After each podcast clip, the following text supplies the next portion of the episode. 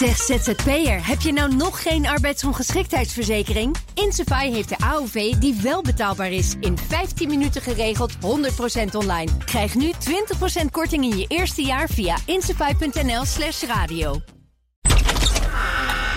Dus dat is ook nog wel even leuk.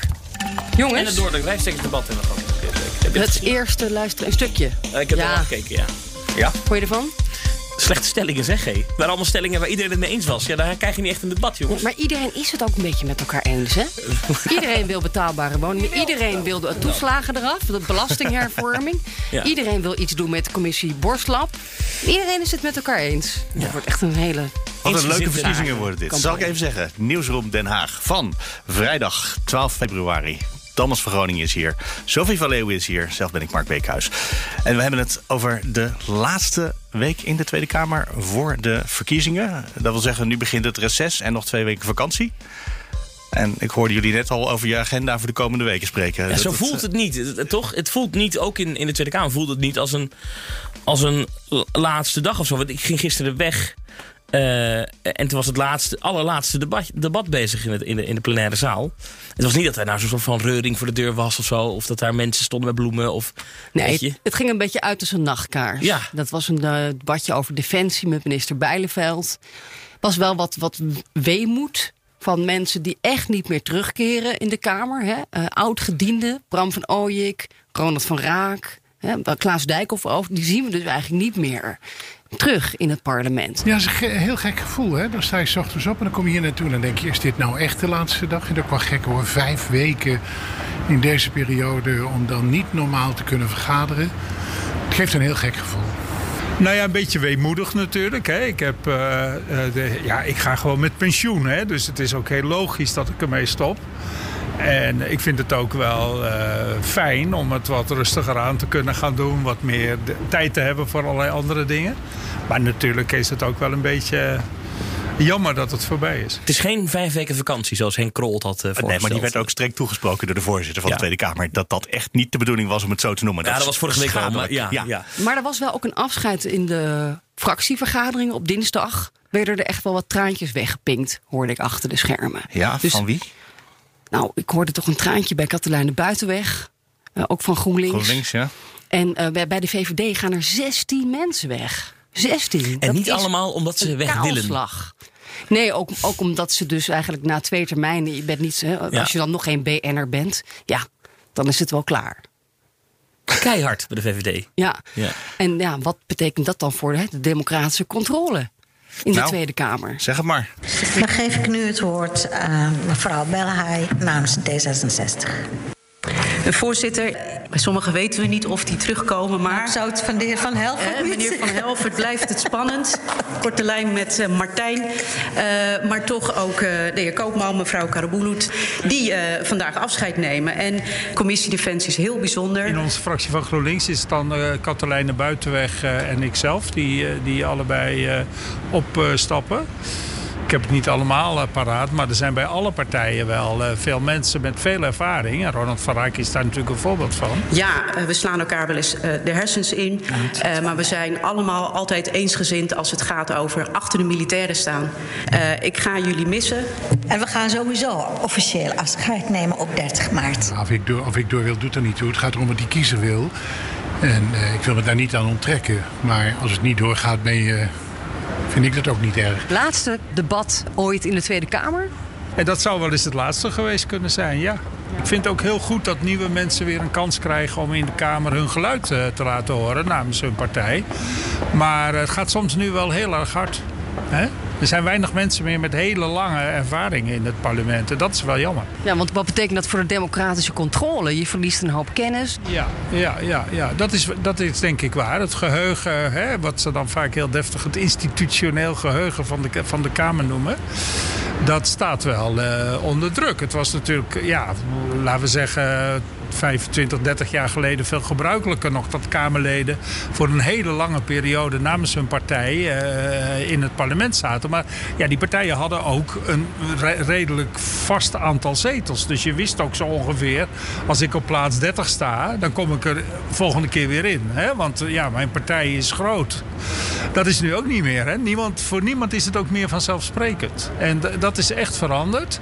En nogmaals, ik vind het ook goed. Hè? Nieuw, nieuwe generatie, nieuwe geluiden, nieuwe mensen met nieuwe ideeën.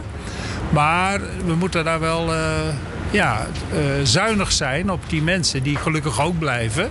En die wel die langere ervaring hebben. Nou, we, hebben, we, gaan net, we hebben net twee parlementaire enquêtes uitgeschreven. Hè, en ook over de rol van de Kamer zelf. Dat gaat ook heel erg over hoe hebben wij ons werk gedaan. Als het gaat om fraudejacht, hè, toeslagen, Groningen. Kamer is natuurlijk ook niet... Uh... En die mensen die allemaal weggaan, die, die, die, die, krijgen natuurlijk nu wel even doorbetaald. Dus de, de, de wachtgeldbonanza uh, begint natuurlijk nu ook weer. Klaas Dijkhoff krijgt wachtgeld. Ja, dat is geen nieuws, hè? Nee, dat is ook flauw. Om daar weer over te beginnen bij Klaas Dijkhoff. Ah. Hij heeft dan zo'n boek geschreven, dat komt vandaag uit. Alles wordt beter. Ik ben er begonnen. Alles wordt beter? Ja, dat is een heel, heel optimistisch boek. En waarin de VVD natuurlijk weer hè, een middenpartij wordt. Een echt een brede middenpartij wordt. En dus niet zo heel rechts. En hij vertelt ook waarom die weggaat. Dat is toch echt voor zijn gezin. Want hij wil Um, hij zegt als je premier wordt of zo, zo'n de nieuwe Mark Rutte, dan ben je publiek bezit. Dat wil ik nog niet. En ik wil voor mijn twee dochtertjes uh, gaan zorgen. Het is eigenlijk een soort van, ik heb het nog niet uit, hè, maar ja, een, een beschouwing uh, van het liberalisme, van, ook van Nederland. Het lijkt een beetje op het, uh, wat hij eerder heeft geschreven voor de v VVD. Een soort van visie. ook de, de uitspraak bij de politieke beschouwing over de Philips-samenleving. En het volgende kabinet? Gaan we hem daar zien? Nee, hij heeft al tegen mij gezegd dat hij geen minister wil worden. Dus hij is eigenlijk al heel kort minister geweest hè? en staatssecretaris. Maar, maar is zeggen dat je geen minister wil worden nu ja, ook een soort dat van. Telt. Ja, dat, dat telt. Nou ja, als je een boek schrijft en je zegt ik wil geen publiek bezit worden en ik wil mijn leven terug, dan ja. Okay. Dat is een beetje ongeloofwaardig als je daarna minister wordt. Toch? We zullen het hebben over de enquêtes die deze week zijn uitgeschreven. Twee parlementaire enquêtes. Dat is echt uh, best wel veel voor één week. Dat is om één week uit te schrijven. Ja, we gaan ze niet tegelijk uitvoeren. Hè? Dus het idee is dat de parlementaire enquête eh, naar Groningen. De aardgaswinning. gaswinning, ja, dat, die gaat eh, lopen vanaf de zomer 2022. En voor die tijd moeten dus de verhoren afgerond zijn in de parlementaire enquête naar de fraudeaanpak bij overheidsinstellingen. Dus dat is dan eigenlijk de toeslagenaffaire, maar dat wordt dan Groter en breder. breder, eh, breder getrokken. En dan vraag je je af, we hebben er toch net een onderzoek naar gedaan. Waar is dit nou weer voor nodig? De onderste steen moet boven. De on, ja, dat Alle is geheimen. alles. Nou ja, de eerste Van die algemene ondervragingscommissie die kreeg er ook maar een hele beperkte opdracht. En die heeft ook een beperkt aantal mensen maar gesproken. Topambtenaren en ministers en staatssecretarissen. Maar niet alle mensen van de vloer die misschien er veel meer van af weten. Niet alle mensen buiten. Ja, dat is ook echt een mini-enquête, hè. zo werd het dan, dan genoemd. De, de, de parlementaire ondervragingscommissie kinderopvangtoeslag, de POK. De POK. Ja, maar die, die, ze zeggen inderdaad van. de- de- de- eh, we hebben Marijnis even kort eh, gesproken gisteren. En, en, en dat, stond, dat heeft ze ook in de Kamer een paar keer gezegd. Is dat die, on- die commissie heeft gewoon heel veel dingen niet onderzocht. Bijvoorbeeld concreet het gebruik van nationaliteit. Dat moet echt nog verder uitgezocht worden. Maar ook, wat betekent het nou als je het stempel fraudeur krijgt voor andere uitvoeringsorganisaties van de overheid? We hebben signalen dat dat gewoon daar ook mensen daar ook stuk lopen. Hoe zit dat precies? Hoe zijn die risicomodellen precies ingezet? Etnisch profileren. Inderdaad, hè, welke mechanismes worden er nou gebruikt binnen de overheid, dus niet alleen de Belastingdienst, om eh, te bepalen of iemand mogelijk fraudeur is? En in hoeverre wordt het je bent mogelijk fraudeur ook gebruikt om te zeggen je bent fraudeur? Want dat is wat er bij de Belastingdienst natuurlijk, eh, die stap is veel te snel gemaakt. En dit speelt bij veel meer overheidsorganisaties. Hè, dus dit wordt ook echt nog breder bekeken, dit probleem. UWV, maar ook gemeentes die de bij- bijstand regelen. Dus er zijn ontzettend veel plekken. En wat, wat, wat dit ding heeft natuurlijk heel veel, veel meer handvat. Een parlementaire enquête dan zo'n mini-enquête. Dus ze kunnen mensen dwingen om te komen. Je moet komen als je opgeroepen wordt. Eh, ik, voor de grap nog even op zoeken gisteravond. Of dat nou ooit is voorgekomen dat iemand echt van zijn bed gelicht is. Van je moet nu voor een commissie verschijnen. Ik kon het niet vinden. Ja, maar het, bij het is, de Vira eh, parlementaire enquête, dat is natuurlijk ook voor de hoogsnelheidslijn. Daar waren wat mensen uit het buitenland die niet gedwongen konden worden om te komen. Ja, maar het is nooit. Ik, ik kon Die geen. zijn niet eh, van hun bed Nee. gelicht in Italië en, eh, of in België, waar ook een paar mensen van kwamen. Maar het is wel een middel dat, dat, dat bestaat. Hè? Dus zij kunnen zeggen, als jij niet wil komen, als jij niet wil getuigen in deze kwestie, dan komen we je halen. Dus misschien oud-ambtenaren van de Belastingdienst, noem maar op, je moet komen. Ehm, dat, dat, dat is interessant. Nou, het, het is onder één. En ja, ik vind het ook wel interessant. Rutte is natuurlijk al een keer verhoord in deze, deze kwestie. Maar dat ging alleen over de Belastingdienst. Dat ging alleen over de kinderopvangtoeslag. Hij was de voorzitter van de ministeriële commissie. Die ging over fraudeaanpak. Beetje flauw, want hij is voorzitter van alle ministeriële commissies. Maar toch, hij eh, zal Ja, hij had daar niets mee te maken, kan ik me herinneren uit die verhoren. maar, hij dat- zal ongetwijfeld opnieuw weer eh, komend jaar ergens voor een commissie Maar de moeten vraag verschijnen. blijft wel. Hij heeft altijd gezegd: ik- wij maken geen aantekening op mijn ministerie. Dus ja, als die er echt niet zijn, dan komen die ook niet boven tafel. Nee, ja, maar, maar tenzij zijn medewerkers een beter geheugen hebben dan de premier zelf. precies, Want die er mensen. wonen ja. in zijn eigen ministerie natuurlijk eh, meer mensen. Of die wonen, maar er werken in dat eigen ministerie meer mensen. Die allemaal zo aan hun eigen bureautje zitten en contacten met alle ministeries onderhouden. Ja, en, en, en een parlementaire enquêtecommissie kan dus documenten opvragen. Geheime documenten. Ja, en alle Zelfs mensen. staatsgeheimen kunnen ze eh, opvragen. Dus eh, ja, als je echt zegt, ik heb het niet. Nou, ga maar zoeken, want we willen het wel hebben. Dat wordt heel interessant. kan spannend worden voor Rutte. Stel je voor dat je Rutte 4 hebt volgend kabinet. Daar wordt een beetje rekening mee gehouden in de wandelgangen. Dan is de vraag hoe lang dat kabinet er gaat zitten. Het, het zou wel heel bijzonder zijn als twee kabinetten op rij eigenlijk vallen in hetzelfde dossier. Nou, je kunt ook nog vallen op Groningen. Of Maar dat gebeurt pas daarna, begrijp ik net. Dat, Ja, eh, Ja, dat- Groningen komt ja. later in dat principe. komt waarschijnlijk begin 2023. Dan zit het nieuwe kabinet er misschien zo anderhalf jaar, ruim anderhalf jaar. En dan hebben we nog de parlementaire enquête over de coronacrisis. Nou, die, die is zit hij er- er ook een beetje aan te komen. ja, oh, ik wou zeggen, die is nog niet aangekondigd. nou, toch? wel door Pieter Omtzigt al heel vaak Maar van even- CDA. Ja. Hoe schat jij dit in, Sofie? Want het- eh, even als we gewoon weten, weten dat er bij de Belastingdienst heel veel mis is gegaan. Mensen zijn in die molen terechtgekomen. Nou, dat, dat, dat, dat verhaal is bekend.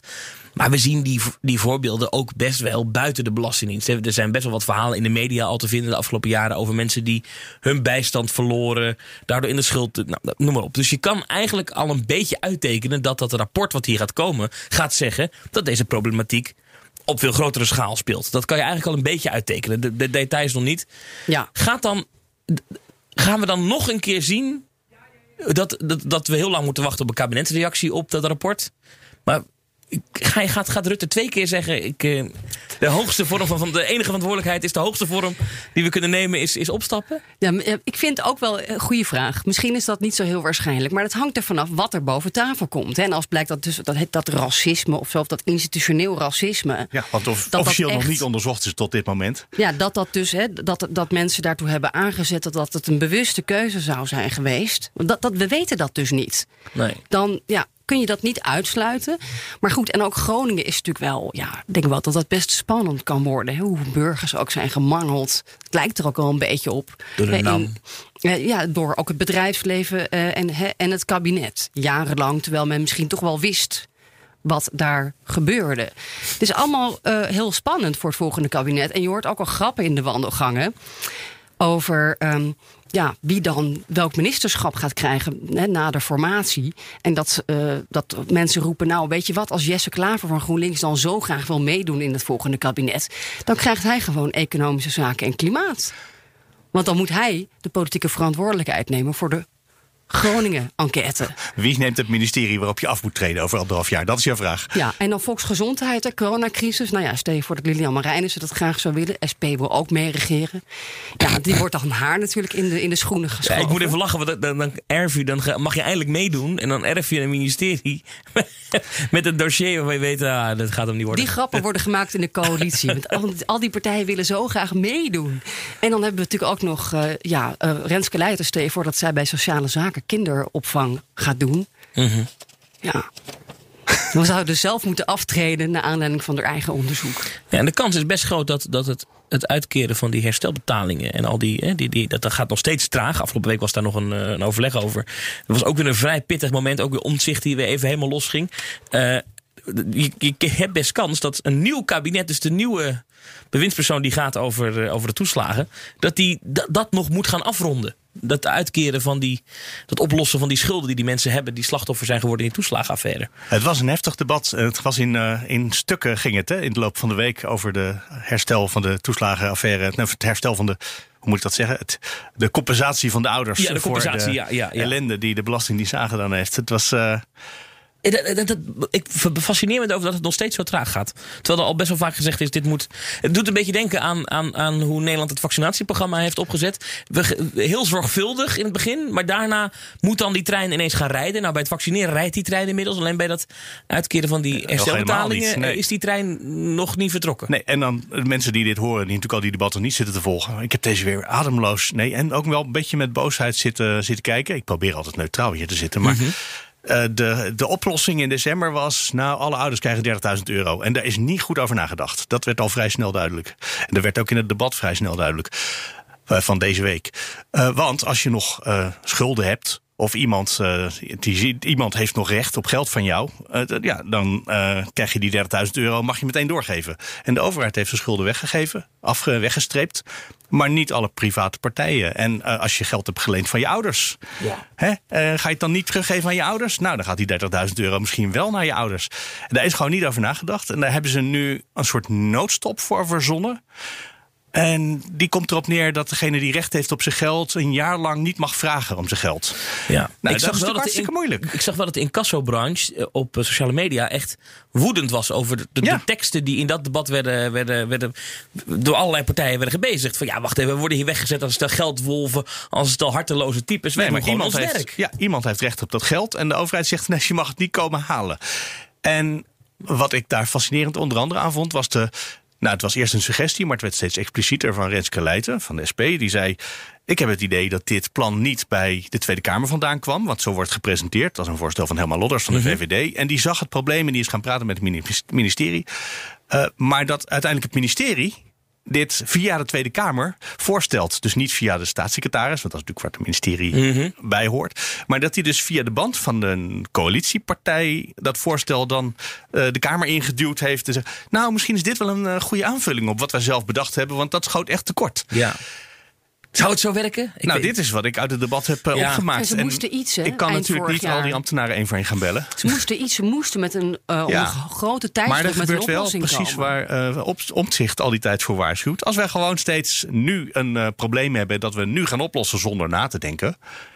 Ja, dan krijg je dus waarschijnlijk een oplossing zoals het vorig jaar in maart voor de vakantie ook misging. Hè. Toen was er ook, we moeten nu iets gaan regelen en dan kunnen we het oplossen. Dat bleek achteraf niet de oplossing te zijn. Nee. Daarom kwam in december die 30.000 euro erbij. Eh, dus de, de, de klacht van, eh, van Leijten en van Omtzigt, eh, dat is... ja, we, moet, we moeten niet nu zomaar zonder nadenken het nu weer gaan repareren. Want dan zitten we hier over een paar weken nog weer. Ja. Over met de volgende reparatie op de reparatie. Wat wel interessant is, is dat je in, in Den Haag af en toe, eh, zeker van de linkerkant, het gefluister hoort dat het kabinet dan maar ook die private schulden helemaal moet overnemen. Ja, daar heeft de Kamer een, eh, een motie voor aangenomen zelfs. Zeker, maar dat is dat, dat we niet goed weten wat dat dan zou kosten. Ja. En dat dat toch nog wel een.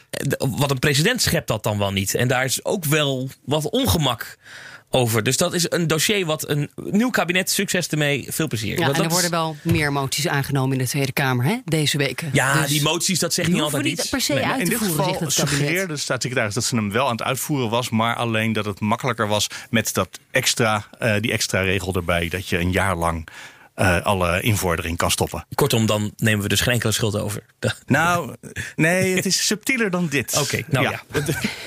We zijn hier nog, eh, ook in het volgende kabinet, niet over uitgepraat. Dit gaat nog jaren duren, jongens. De zucht. De, de toeslagen. Deze, ja, deze De afweging. oplossing, de afwikkeling daarvan. Ja, Ja. dat klopt. We hadden het al even over racisme. Zullen we het over eh Forum voor Democratie hebben? Over bruggetjes gesproken. Ja. Nou ja, afgelopen week was het natuurlijk eh, Elsevier Weekblad, of EW moet je tegenwoordig zeggen. Die eh, hadden, ehm, die hadden een artikel met appjes. Appjes van vorig jaar, eh, van Baudet. Eh, En, en mensen om hem heen. Ehm, racistische appjes. Nou, ik hoef ze niet te herhalen. Iedereen heeft ze denk ik wel meegekregen in de media afgelopen weken. Toen was er een soort van bizar moment dat eh, Baudet toch voor stemmingen naar de Tweede Kamer moest komen. En omringd met door journalisten aankwam lopen bij de Tweede Kamer. En daar heb ik ook mijn microfoon eventjes, eventjes bijgehouden. Het, Jij was een beetje ontdaan door wat er gebeurde. Nee, maar de schuld te geven aan anderen. Er Zullen we daar gewoon rustig eventjes gaan staan? Nou ja, ik ben natuurlijk relatief nieuw in Den Haag. Ik had zo'n soort moment dat iedereen op één persoon duikt. Had ik nog nooit echt die manier meegemaakt. Een jaar lang heel Nederland angst aangejaagd. En kijk eens hoe bang jullie daadwerkelijk zijn. En ik had ook nog nooit echt meegemaakt dat je dan een politicus ziet die niet wist hoe hij moest reageren. En dus maar om zich heen ging slaan en dingen ging roepen. En het ook allemaal niet meer wist. En het, de emoties liepen hoog op. Allemaal opgeklopte ophef en, en, en screenshots en dingen. Ook bij collega-journalisten viel mij op. Ja, maar echt waar, heb jij de indruk dat Baudet niet wist wat hij aan het doen was? Ja, Ik heb het idee dat hij eh, zeer doelbewust de confrontatie met de Nederlandse pers aanging. Want vuurwerk, ook onder andere omdat hem in de ochtend al van een aantal serieuze media was aangeboden. Zullen we gewoon bij op de Kamer met u komen praten? En toen had iedereen nee gezegd. Ja. Eh, ik kom straks bij de patatbalie, dan gaan we, dan gaan we met u praten. Ja. Nou, dit is gewoon een confrontatie. Dit is, en dat is mijn bezwaar tegen het überhaupt al te veel aandacht besteden hieraan. De man heeft ons gebruikt, wij van de media. Wij hebben ons laten gebruiken. Ehm, voel jij dat ook zo? Want jij stond ertussen en ik zie het alleen maar op televisie. Nou, kijk, of we gebruikt zijn, dat weet ik niet. Maar ik, ik heb daarna nog wel even mijn, mijn oor te luisteren gelegd bij mensen binnen Forum voor Democratie. Over wat, wat hebben we hier nou gezien en wat, wat gebeurde hier nou. En wat je daar hoorde is dat, dat binnen Forum. Deze club heeft natuurlijk net een afsplitsing gehad. Hè. Een hele grote groep mensen is vertrokken Ja, naar jaar 21. En, en nou goed, een hoop mensen weggelopen. En deze partij was zich aan het herstellen van die, die breuk. En waar ze eigenlijk afscheid van wilden nemen, is van al die schandaaltjes, racisme dingetjes. Dus men was heel erg op de woorden aan het letten. Eh, men had iedereen aangesproken op het gedrag. En jongens, dit willen we niet meer en dit hoort niet in deze partij. Daar was men echt mee bezig binnen die club. En dan Nee, komt- maar als, je dat, als dat klopt, want dit wil ik zo graag geloven. Ja. Dan waren ze naar buiten gekomen en zeggen: Dit is inderdaad waar. Dit zijn appjes van drie jaar geleden. Of van vorige maand desnoods. Inmiddels zijn we daarmee gestopt, want we hebben dus geleerd dat we dit niet moeten doen. Ja. Maar dat gebeurde Nou, niet. inmiddels heeft Eh, Baudet wilde er niet eens over. Nee, maar Baudet wilde er niet eens over praten. Ik ga er helemaal niet op in als ik een richt... Omdat ik vind dat dat helemaal niets te maken heeft met wat in de publieke ruimte besproken wordt. Er bestaat zoiets als een briefgeheim. Er bestaat zoiets als privéruimte. En wat daar allemaal wel of niet in wordt besproken... in welke context en met welke lading. Jongens, jullie kunnen... we, we- we hebben hier al absoluut... natuurlijk. Want als dat, De- als dit, dat- dit he- deze hele verzonnen ophef weer. Is het verzonnen? Een, een maand voor de verkiezingen. Maar is het Kijk verzonnen? nou naar jezelf. Is het- is het Ik bedoel, waar hebben? Natuurlijk is. Jullie, Nou, jullie maken hier toch een heel, heel, hele eh, hysterie over. Wat is dit nou voor iets? Het, ik ga er helemaal niet op in. Ik ga toch ook niet. Ik ga er helemaal niet op. Wat een irrelevante punten allemaal. Nee. Ja, voor volgens Freek Jans is het borrelpraat, geloof ik. Ja, hè? dus die heeft eigenlijk erkend het dat wordt dat wel bestaat. een soort Ja. van erkend en het werd ook niet ontkend. Nee, en ook, ook Baudet zelf, als je zijn woorden goed eh, analyseert, dan erkende hij het eigenlijk door op een gegeven moment aan Ja, te beginnen nee, maar over... er is een verschil tussen het niet tegenspreken en gewoon ruidelijk erkennen dat dit niet was wat je had gewild. Eh, Correct. Maar wat dus, wat dus eh, mij opviel bij de mensen die je spreekt binnen, binnen Forum, is dat ze allemaal zeggen: ja, maar dit, het zijn oude appjes. En dat ze echt intern in paniek waren. En echt eh, heel erg. Ja, eh, vers- een beetje verslagen waren hierdoor, door dit nieuws. Dat dit naar buiten kwam. Dat Want ze ja, gewoon alweer racisten bleken te zijn. dat, ja, eigenlijk wel. Maar dat is natuurlijk. Dat, Of nog steeds. Men wilde hier juist zo graag van af. En daarom kwam moeten die, ze ermee stoppen. Daarom kwam die reactie ook zo paniekerig over. Ja, ze moeten ermee stoppen. Het zijn wel appjes van eh, zomer vorig jaar. Weet ik. wil het niet verdedigen hier, maar. ehm, eh, en wat, wat daar ook weer speelt, is dat ze zich heel erg verraden voelen. Want dat zijn natuurlijk wel mensen die eh, voorheen ook hoog in Forum voor Democratie zaten. Hier voorheen Die dit lekken. blijkbaar geen moeite mee hadden. Die nu mogelijk bij een andere partij zitten, die dit dan lekken. En Ja, dat dus- is. Dat voelt voor de, eh, de mensen die oog te- zijn gebleven bij Forum, voelt dit artikel als een gigantische mes in de rug.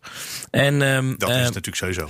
en, en hoe het mij een beetje verteld wordt door mensen die er echt dichtbij zitten, is dat, dat de reactie die we zagen van eh, Baudet niet een, een, niet een, een doordachte reactie was, maar iemand die echt eh, ja, zo in shock was doordat hij zo verraden was.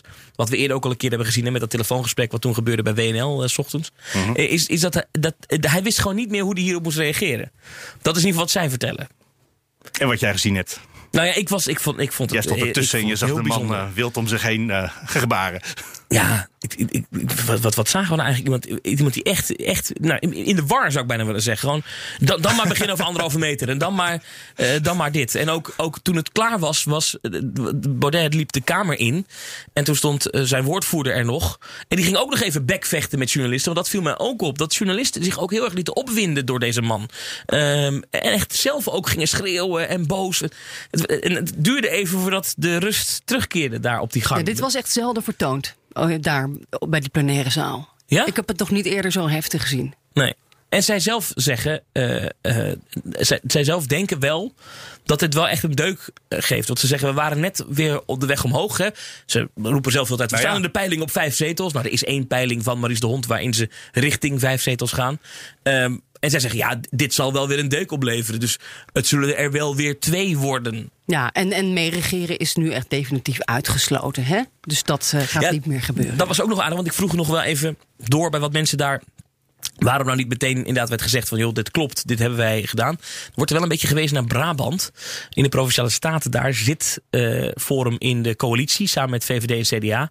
Zij zeggen ja, als wij dit ruiterlijk erkennen, dan hebben we daar weer wat uit te leggen. Dat was een beetje de eerste stuipreactie waarom ze het dus niet wilden erkennen. weken over, dus dat is ook uh, aandacht. Ja, maar die coalitie daar, uh, daar is wel heel veel ongemak. Ja, je zit toch in een coalitie met racisten. In Den Haag ook wel een beetje hoor, ongemak. En de vraag is hoe lang uh, houdt dat stand dan, zo'n uh, zo'n coalitie nog?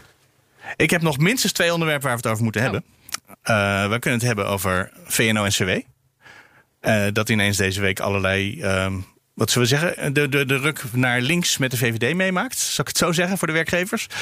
En we kunnen het hebben over schaatsen. Want iedereen heeft het deze week over schaatsen. Ook al gaat het binnenkort dooien. Ik kan niet zo goed schaatsen als Kajsa Hollongren en Wopke Hoekstra, moet ik wel bekennen. Maar uh, wel vrij fanatiek. Het helpt dan ook als je als, als samenleving, als volk ook dingen hebt waar je blij van kan worden. En ik denk dat schaatsen op natuurijs is toch wel een beetje de nationale trots. Dus als we dat uh, zonder uh, al te veel publiek kunnen organiseren.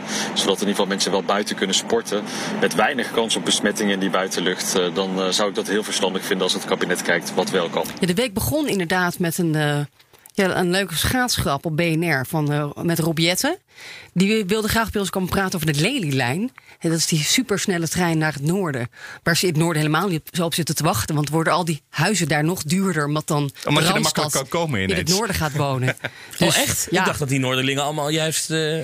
Nee, die zijn heel bang dat, dat wij Randstedelingen, althans, jij, woont jij in de Randstad? Nee, ik woon in de Brabantstad, woon ik. dat ik dan denk, oh, een uur, ik ben nu een uur naar Den Haag, dat ik dan denk een uur naar Groningen. Dan kan ik net zo goed daar een huis van uh, een paar ton goedkoper aanschaffen. Ik ja. hoorde dat in het uh, debat van het Noorden. Eh, ook werd het besproken als... heeft dat niet een aanzuigende werking voor randstedelingen? En toen dacht ik, aanzuigende werking, dat is normaal iets wat je eigenlijk alleen maar voor vluchtelingen ja. als woord gebruikt. Maar we moeten ook, uh, het ging gewoon over ons in het westen of we in het noorden zouden gaan wonen ineens. Ja, randstedelingen moet je opvangen in de regio. Zijn we. Dat is eigenlijk het punt. Ja, gelukzoekers zijn we in het noorden. op Jetten. dus. Maar jij wilde met Jetten praten over schaatsen. En de D66 zei, vinden we goed, maar dan willen wij het over een trein hebben. Ja, dus dat hadden we afgesproken. En vervolgens, uh, mijn collega Bas van Werven vroeg inderdaad naar uh, Robjette. Goh, bent u ook een schaatser? Nou, Robjette is ook een schaatser. Olongren, niet zo goed als Olongren en uh, Wopke Hoekstra. En uh, ja, vindt u dan dat die Elfstedentocht er moet komen? Oh, ja, God. Of de marathon. Ja, dan ging het ook al de avond daarvoor ook al met Wopke Hoekstra over bij op één. En wat zei Het ging alleen maar over schaatsen, niet meer over de avondklok. Nou, hij zei, ja, ik vind toch, het toch een liberaal. Hè? Het is toch fijn als mensen op natuurijs kunnen schaatsen eh, met publiek erbij. Op een veilige manier, op anderhalf meter afstand. Dus dat werd toen een beetje geframed. Ik begon er zelf ook over te twitteren. En eigenlijk vervolgens door de, de hele nationale pers. Rob Jetten wil Elfstedentocht laten doorgaan. En toen, hup, Wilders erachteraan met een tweet. Van PVV Wilders, Partij voor de Vrijheid, wil de Elfstedentocht laten eh, doorgaan. Dus dat werd een soort oproep aan het kabinet waar ze bij D66 een beetje ongelukkig over waren. Ja, want zij wilde het over een trein hebben. Dus ik werd ook nog gebeld. Sofie, we zouden het over een trein hebben. maar Precies. Ik wilde het over de Elfstedentocht hebben. Ja, maar wij wilden het over een trein hebben. Nou, en zo werden we een beetje ongelukkig van elkaar. En uh, ja, de media. En we hadden het allemaal weer verkeerd begrepen en uit zijn verband gerukt. In ieder geval, het is er dus niet. Gisteravond, en na de hele week hebben we het over schaatsen gehad. Mark Rutte, die maakte er ook nog een, een, potje van. Nou ja, die komt na de bekendmaking van de verlenging van de avondklok. Dat werd gedaan door Grapperhaus. Wat ik nog best opmerkelijk vond. Want alle coronamaatregelen tot nu toe werden door de premier of Hugo de Jonge ja, afgekondigd. Al het slecht nieuws moet van het CDA komen. Ja, dus nu moest Grappenhaus, die kreeg de, de corvée om te vertellen dat de avondklok waarschijnlijk tot 2 maart uh, verlengd is. Uh, dat kan nog eerder, maar in principe tot 2 maart. En daarna kwam uh, de premier Rutte naar, naar, naar voren en die zei: ik wil het over twee dingen hebben. Jongeren. Hij ging een Zoom-sessie houden, even een videobel-sessie met... Instagram-sessie. Instagram was het, ja. conferentie op het jeugdjournaal. Heb ik nog gekeken trouwens. En, en, en schaatsen wil ik het over hebben, zei hij toen. En toen heeft hij, heeft hij minutenlang over schaatsen staan praten. 17e eeuwse tafereelen. En geniet, zei hij. We moeten genieten van het. eh, en, en, maar toen gingen journalisten weer naar hem vragen van hoe zit Ja, het maar nu even over iets waar u verstand van Ja, heeft. die het avondklok. Zei hij nee, maar daar heeft Vet Grappenhuis het alles over verteld. Daarvoor blijft gelden eh, dat we dat een uitzonderlijke maatregel vinden. Een bijzondere maatregel vinden, dat die ook apart staat. eh, en dat we er nog steeds eh, van af willen. Maar, u weet helaas niet zeker kan of het. het helpt. Nou ja, al die vragen naar de Vetgrappenhuis gesteld. Dus daar ga ik, daar ga ik niet herhalen. Maar u bent premier, Ja, maar zijn antwoorden waren voortreffelijk. Dus daar heb ik niks aan toe te voegen. Zijn er nog andere vragen, los van de avondklok? Toen dacht ik, zat de premier hier nou alleen maar om over schaatsen eh, te praten? Ja, Ja, Slim, daar- de premier voert geen campagne, dus dan moet je het op deze manier doen. Eigenlijk pakt hij daarmee ook van Forum een beetje dat, dat eh, het thema, de issue owner wil hij dan worden van hè, de, de Nederlandse identiteit, Hollandse glorie, Ja. schaatsen. Ik hoop natuurlijk dat dit weer nog lang aanhoudt. Ik vind het fantastisch. Dit is natuurlijk eh, waarom we in Nederland wonen. Eh, deze vrieskou. En eh, we, we leven nu in een mooi schilderij uit de 17e eeuw. Dus dat is prachtig. Hij zei op een gegeven moment, het is min 10. Dit is toch waarom we in Nederland wonen? Daar moesten mensen op sociale media heel hard om lachen. Dit is toch waarom we in Nederland wonen? Voor een deel is dat omdat ik hier geboren ben, denk ik kan niet schaatsen, dus ik, eh, nou een beetje, maar niet goed. Maar dus vervolgens, eh, ja, gisteravond viel de droom in duigen. Het NK marathon gaat niet door. En waarom niet? Ja, de burgemeesters willen het eigenlijk niet. Nee, maar je kan Die hebben niet- veel macht, hè? Kijk, als je dit toestaat, dat is natuurlijk het probleem. Dan gaat iedereen roepen, ja, maar als dat kan, dan kan ik Dan ook kunnen we ook mijn, eh, voetballen en dan kunnen we ook al die andere dingen doen.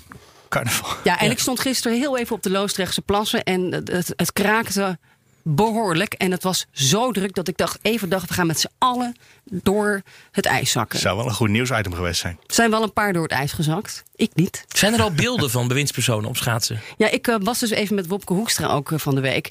Van, eh, over de vraag. Oh, het ging over, over VNO en over nou ja, wat we allemaal gaan doen met En commissie toch ook weer over schaatsen. Toch ook even over schaatsen. Ik heb hem gevraagd, belangrijk voor het campagnebeeld, wanneer gaat u schaatsen? En waar? Want de cameraploegen moeten ook mee. Nou, ik moet eerlijk zeggen, dat schaatsen dat ga ik lekker doen zonder camera. Eh, maar dat gaat ergens de komende 48 uur wel gebeuren. Zet u misschien een selfie op Instagram, dan kunnen we meegenieten. Ja, zover was ik eigenlijk nog niet. Eerst moest ik even kijken of ik ergens eh, een beetje betrouwbaar ijs kan vinden. En eh, nou ja, dan maar eerst eens gewoon rijden. Dus eh, ik denk dat hij iets op Instagram zal Ja, maar dat, posten dat ligt na de dik op ministerraad. de campagne natuurlijk, als je dat, als je dat post. Hè, Het moet, ook, het moet toch wel een beetje echt lijken. Jij denkt dat het niet gaat gebeuren? Nou, we gaan het wel zien. Vast Ergens wel. binnen, nou ja, binnen een dag. Hey, nog even, want de vraag over bij Forum net was: eh word je gebruikt? Heb je maar in het geval van het schaatsen heb ik het idee eigenlijk dat D66 ons journalisten wel wilde gebruiken, maar dat het andersom uitpakte. Dat wij gebruikten. D66 gebruikt hebben Ja. voor de symmetrie. Ja, en ook een beetje. Ik merk ook dat ik zelf een beetje in de campagne-modus terechtkom Jij? eigenlijk. Maar als bent journalist. Dat je overal zie je campagne. Dan denk je, oh, Oh. ja, schaatsen. Oh, de schaatscampagne van Mopke Hoekstra. Dan begin je een beetje. Je begint een beetje te duwen en te trekken en te vissen. En oh, dit. Hè, dan gaat u dat op Instagram zetten. Dus ik, ben, ik begin zelf een beetje als een soort van campaign watcher daar rond te lopen. En je ziet echt- nu overal campagne de hele tijd. ja, dus dat, dat, dat, vervormt misschien mijn geest. En we hebben dus nog, wat is het, vijf weken? Nou ja, dat, dat gaat los. Mijn, mijn mailbox Ja. ontploft van de uitnodigingen. Uh, Ploemen staat zondag in, de, in het textielmuseum eh, bij jou in Tilburg. Ja, ga ik even kijken, ja. Ja, Wat ik dus heel benieuwd- wat idee dit- bij Nederland. Ik herken wel wat jij, wat jij zegt met, met dat je in campagnemodus schiet. Is dat je nu bij iedere politicus verwacht. Waar gaat die mee komen? Bijvoorbeeld, we weten, morgen zit, eh, eh, zit Mark Rutte. Die zit bij Jort Kelder. Zijn beste vriend. Zijn beste vriend. Bij de collega's van Radio 1. Wat gaat hij daar, welk, welk proefballonnetje gaat hij daar droppen? Nou, het zal niet de 1000 euro zijn die hij ooit gezegd heeft. Maar wat, wat gaat hij daar, daar moet over nagedacht zijn. En wat is al... Iets uit zijn privéleven natuurlijk. Wat is zondag de reactie van Ploemen op het verhaal van Kaag van vandaag in het AD over het onderwijs, waar heel veel meer geld naartoe moet, volgens, eh, volgens Kaag? Nou, en ik, ik, ik vind dat dus interessant om te zien dat je nu bij iedere politicus zelf al denkt: waar gaat hij mee komen? Wat, eh, wat, wat wordt, wat Je wordt bent het zelf aan het spinnen, hè? En Ja. ze moeten ook wel met proefballonnetjes komen, want ja, op corona. Anders gaan we er niet over schrijven. Nee. Nee, die peilingen die zitten muurvast. Die zitten muurvast. Er zit bijna geen beweging in. Dus Maar dat is voor Rutte hartstikke goed. Dus die hoeft niet per se met iets te komen. Die hoeft alleen maar heel betrouwbaar en degelijk over te komen. Dat weet ik, maar die ziet ook dat andere partijen de komende weken natuurlijk wel met dingen gaan komen. Dus hij moet ook een beetje verdedigen, denk ik. Ja, en bij GroenLinks gaat het zelfs zo ver dat ik net een mail krijg waarbij ik ongeveer wekelijks word uitgenodigd op een soort van campagnesessie met briefings van wat gaat GroenLinks doen met de campagne deze week. Met iemand als eh Wijnand Duivendak, ook een oud-gediende van de partij. Dus eh, dan worden we dan bijgepraat over de. We krijgen het druk, Thomas. Over wat iedereen elke week nu weer in de campagne Ja, dat wordt genieten. gaat presenteren. Heb je er zin in? Dat wordt Ik heb, genieten. ik heb er heel veel zin in, ja.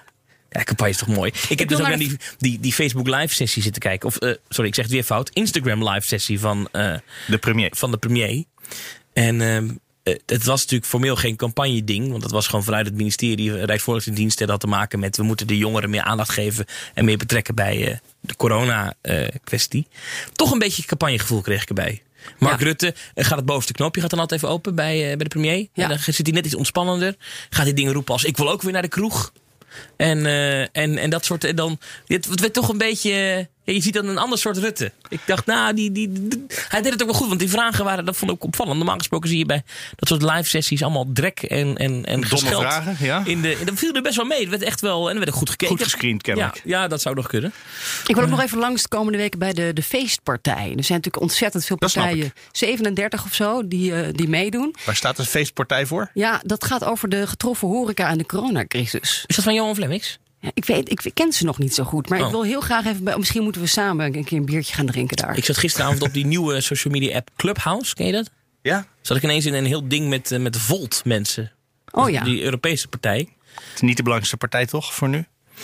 Nou ja, ze, ze, ze, ze hebben uh, ooit uh, uh, meegedaan aan de Europese verkiezingen. Ja. Toen hadden ze niet genoeg voor een zetel. Maar ze zeggen als we net zoveel stemmen uh, nu krijgen als dat we toen kregen, dan komen we met drie zetels de Kamer binnen. Ja. Dat, dat is wat waar ze zichzelf heel erg aan, ja, aan vast Dat zou slecht nieuws zijn voor D66. Nou, dat zei ik dus ook. Van welke partij snoepen jullie nou het meeste weg? Hè? Dat vroeg ik ook aan die mensen. En toen zei ik, ja, kijk, dat is waarschijnlijk GroenLinks. Het grote verschil oh. met GroenLinks is dat zij wel uh, voor uh, um, kernenergie zijn. Wat GroenLinks dan weer niet is. Maar het is een partij die gaat voor duurzaamheid. En een duurzame oplossing. En een hervorming van Europa. En ze zitten ook in dezelfde fractie. Hè? Want ze hebben één zetel in het Europees Parlement. Zitten ze in dezelfde fractie als, uh, als GroenLinks. Maar daar en D66. Maar er was één iemand in dat gesprek aan het woord. Er was een oud VVD-lid die overgestapt was naar Volt. Ja, maar luister even, duurzaamheid. Ik bedoel, VNO-NCW is nu ook voor duurzaamheid. He, die uh, presenteren deze week hun, hun, toekomstvisie tot 2030. Duurzaam, uh, het minimumloon moet omhoog. Dat wil ook iedereen in Den Haag. Mm -hmm. uh, iedereen moet een winstuitkering krijgen. Althans, meer, he, meer mensen, werknemers. Dus je moet welvaart gaan delen. Brede welvaart. Iedereen wil dat. Ja, ze zeggen wel eens dat we een verdeeld land zijn. Maar ik heb soms ook, als ik dat, dat lijsttrekkersdebat van het noorden keek... dan heb je soms het gevoel dat, dat de partijen het op steeds meer fronten met elkaar eens zijn. Het was nog net niet het COC-debat. Dat ging dan echt maar over uh, uh, wat, uh, homoseksualiteit. Ja. Daar is ook iedereen ja, hartstikke ja, voor. ook het CDA nu. Ja, nou altijd al geweest CDA, ja, toch? Kees, Kees van der Staaij van de SGP wilde niet meedoen. Maar goed. Ja, maar dat, ik vond Weinig het wel, spanning. Maar het, het wonen, dat soort thema's. Er, er zit heel veel nu.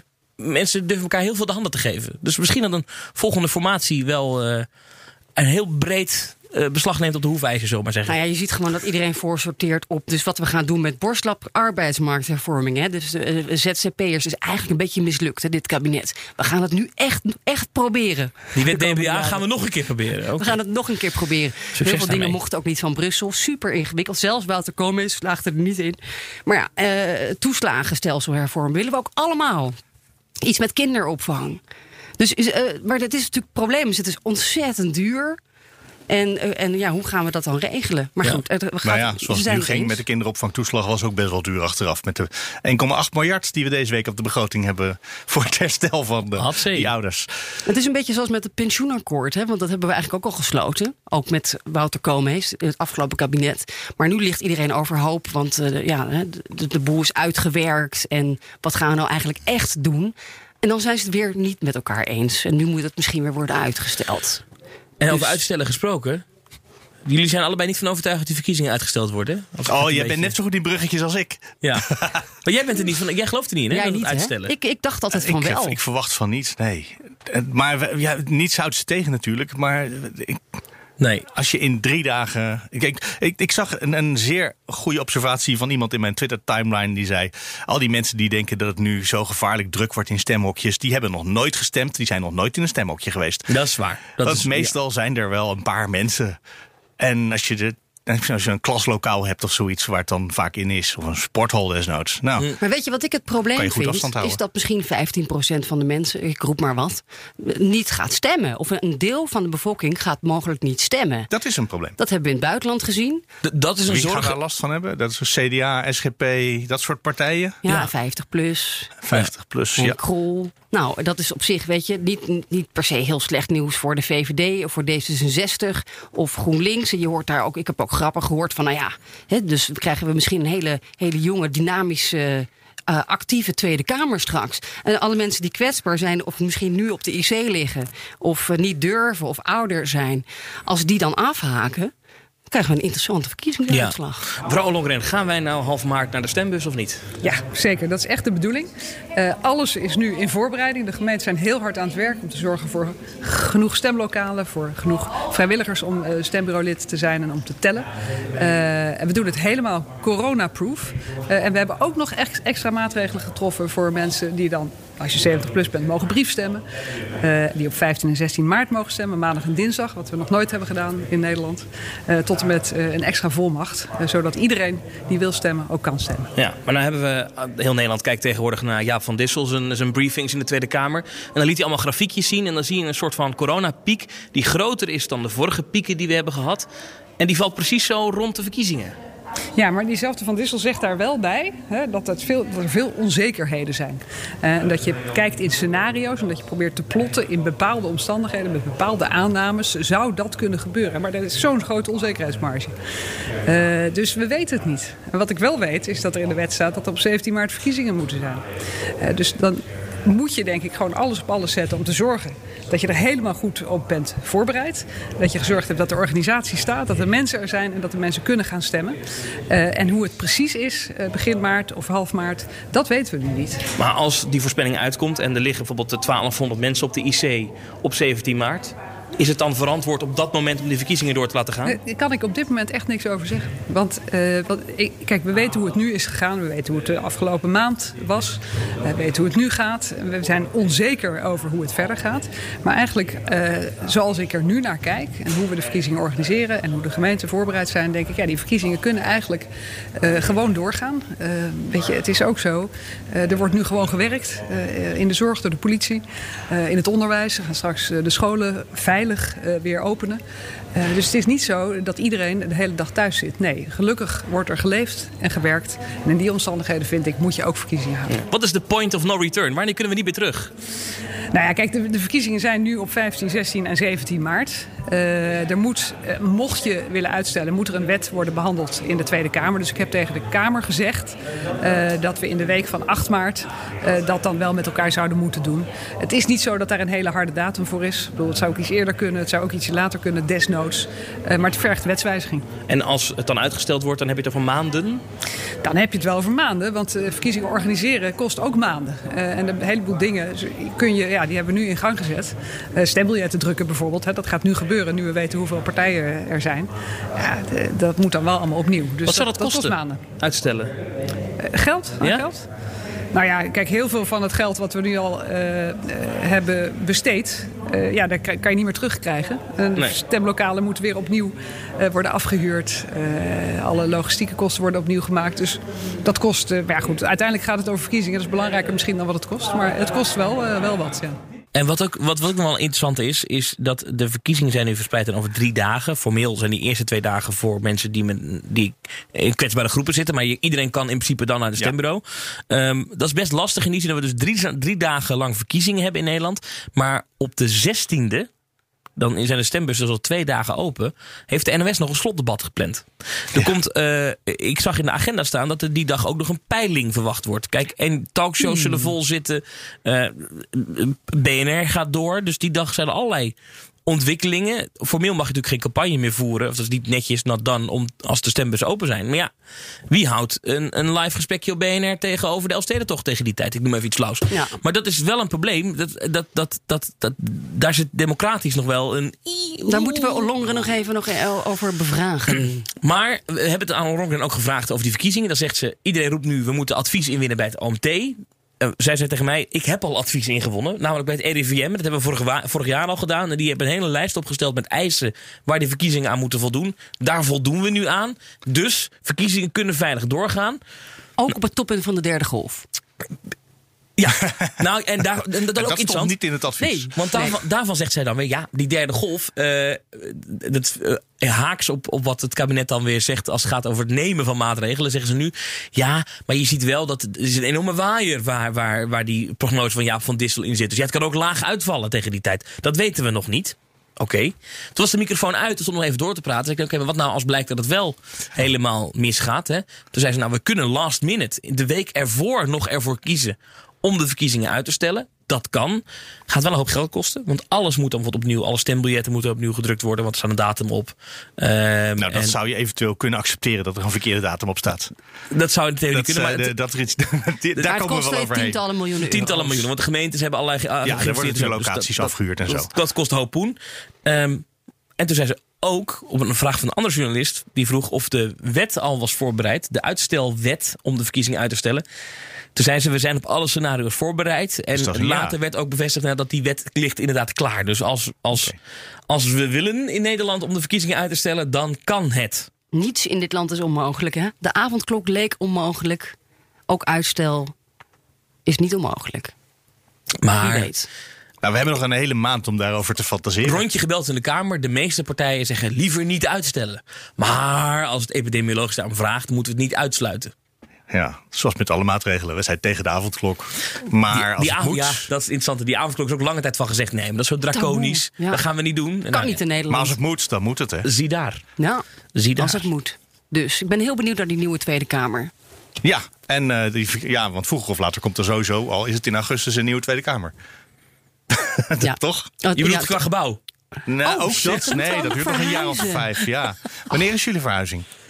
Ik heb de datum eh, niet scherp. Maar In de zomer. In de zomer. Oh, Tijdens het zomerreces. Dus dat is ook interessant dat die nieuwe Kamerleden die dus geïnstalleerd worden. eh, Die beginnen nog wel in de oude zaal. Ja, die hebben dan een paar maanden. Ah, nee, niet oude zaal. De oude plenaire zaal, zo maar Ja, in de huidige plenaire zaal. Ja, want ja. de oude zaal is dan de oude oude zaal. Ja, dat is... Ja.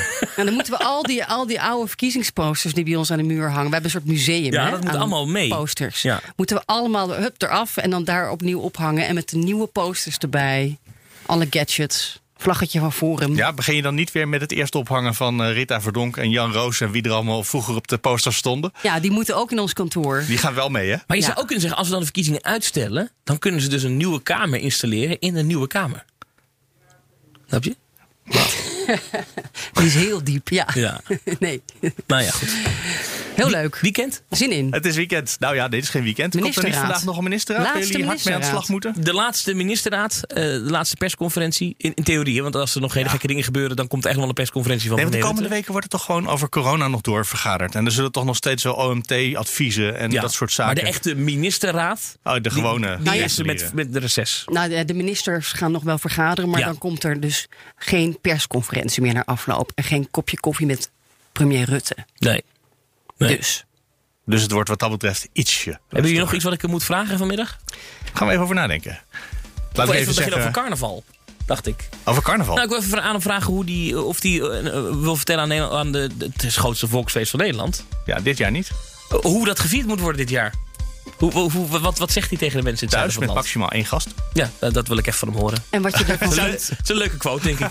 en wat je ervan vindt om door je beste vriend eh, geïnterviewd te worden op de publieke omroep. Dan moet je hem toch even vragen. Dat kan eigenlijk niet, hè, Ja. als het gaat om de journalistieke regeltjes.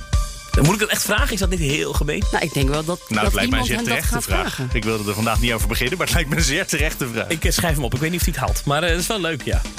En hier komen we aan het einde. Wil je reageren? Mail dan naar nieuwsroom.bnr.nl of nieuwsroom.fd.nl. Dan zijn we er volgende week weer. Graag tot dan.